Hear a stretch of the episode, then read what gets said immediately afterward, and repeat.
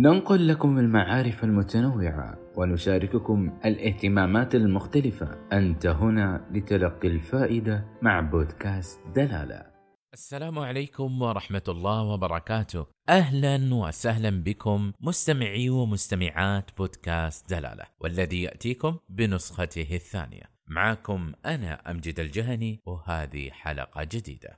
لطالما تربينا على كلمة عيب وكلمة حرام لقد كبرت معنى هاتان الكلمتان دون أن ندقق في معناهما. فالعيب مرفوض بسبب المجتمع الذي نعيش فيه والحرام مرفوض من الدين الذي نعتنقه. إن سألت أي شخص عن مقارنة العيب بالحرام لقال إن الحرام أشد من العيب ولكن هل تصرفاتنا تدل على ذلك؟ لقد وجدت نفسي أسأل هذا السؤال وعندما تمعنت في الإجابة وجدت جوابا مثيرا. وجدت أن في بعض الأحيان لا نفرق بينهم. وجدت أن مجتمعنا يخاف من العيب كخوفه من الحرام. كثير من الأمثلة قد تعكس هذا التوجه في المجتمع. ينفق الرجل منا ما لا يملكه في زواجه حتى يلتصق أو يتمثل لعادات المجتمع. يدفع مهر كما فعل فلان وفلان ويحجز قاعة أو قصرا للمناسبات بما يفوق الإمكانيات. يستدين كي يبدأ حياته الزوجية. إن سألت هذا الرجل لماذا كل هذا الإنفاق؟ سيكون الجواب بالتأكيد هذا ما يفعله الآخرون. بينما ديننا الحنيف يدعو إلى تسهيل النكاح. روى البيهقي أن النبي صلى الله عليه وسلم قال خير الصداق أيسرة وبلفظ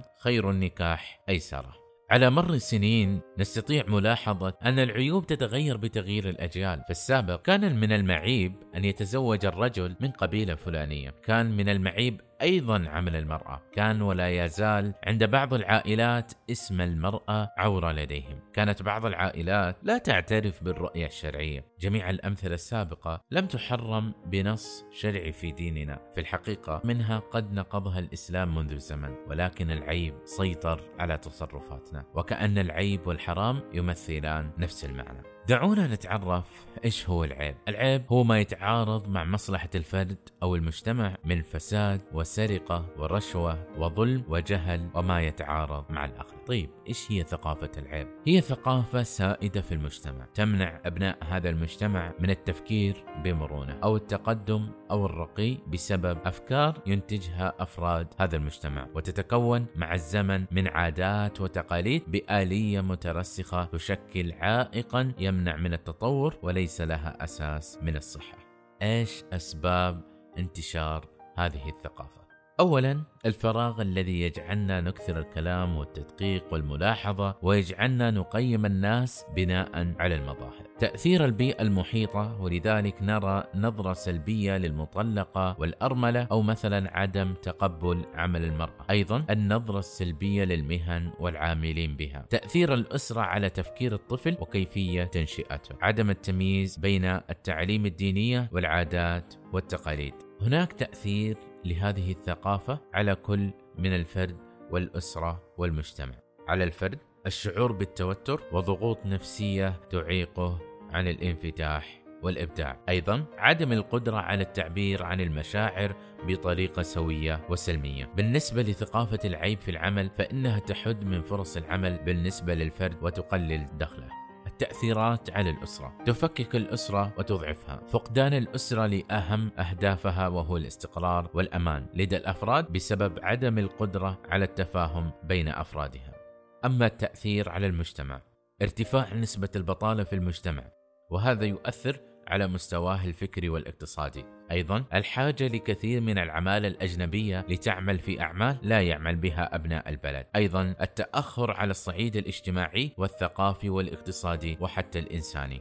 الكثير من أفراد المجتمع قد تخلى عن هذه العادات، ما كان عيبا في السابق أصبح امرا اعتياديا في الحاضر، إن كان العيب يتصل بالحرام مباشرة فهو مرفوض تماما، لكن أغلب العيوب في المجتمع عبارة عن آراء وعادات قديمة تمسك الناس بها حتى أصبحت مساوية للحرام في نظرنا، ولكن بالتوعية والتثقيف يحرر الكثير من القيود والحواجز التي لم تعد لها قيمة في ظل التغيرات والتطورات الاجتماعية والاقتصادية والسياسية في بلادنا. وبدأ يتعافى من حساسية النظرة الدونية للعادات التي كما ذكرنا لا تتقاطع مع أحكام الدين والنظرة التي تختلف باختلاف العادة والتصرف. وفي الختام الحلول بيدنا نحن وليس من الخارج.